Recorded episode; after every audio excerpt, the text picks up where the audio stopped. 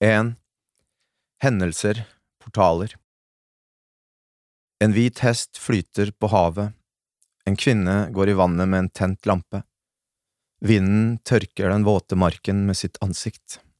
Papirbåten danser med søvnen til en jentunge i et hus laget av vann. En gutt leter etter en mistet mynt. Himmelen er en åker av knust glass. Mynten er av melk. En fugl med utspente vinger er en mynt. En jente drømmer at hun bor i en gate som ligger på bunnen av et glass. Små dokker henger i greiner utenfor et kapell. En jente, like stor som en hånd, i hatt og kjole, oppskåret over ørkenen. Så lenge Gud ikke finnes.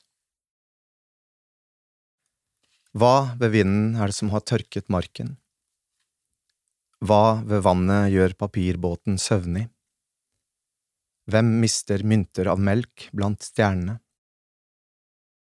Hvordan løsner et blad fra sine fugler? Hvordan finner skyggen hvile i den knoklete vingen til Gud? Hvem er den drømmende jenta? Hvorfor svømmer hun med klærne på? Hvordan flakser hun mot bunnen av ørkenen? Hvorfor er hun ikke begravd? Hvor lenge kan Gud ikke finnes? To. Samtaler ved kanten av hva?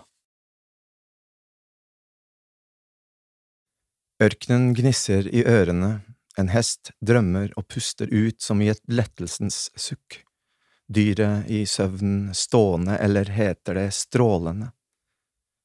Er det jeg som venter, drømmer eller gresser? Hva heter det når hesten er en ørken som er en drøm? Er sengen min laget av halm, av steiner, eller heter det sand? Hvem vet hva hester drømmer, om drømmene freser som slanger under sanden?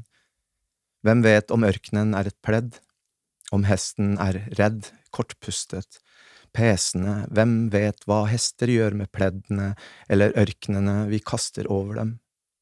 Det er best å ikke tenke så mye på sånt, sa mor mange ganger. Der, sa mor. Hun viste meg et land, jorden var grønn som øyelokkenes innsider, som et fyldig blad, som en strikkevest i en stue fylt av sigarettrøyk.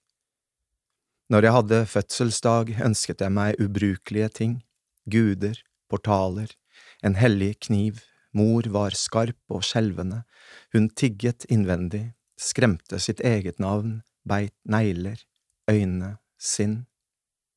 Der, sa hun og pekte på rallende rødt vann, kragebein, hårtuster, ørkenen var full av blomster, steiner og kropper falt fra himmelen. Mor beklaget ikke de oppskårne kvinnene, den levende lyden av døden. Ved et uendelig vindu måtte jeg utstå stumheten, lære å høre etter. Jeg tenkte på kamp, på isende redsel, på skjemmede ansikter og en fuktig og trist stemme som forsvarte seg, til ingen nytte. Jeg så mange falle og ble liten som en bille, som en bylt.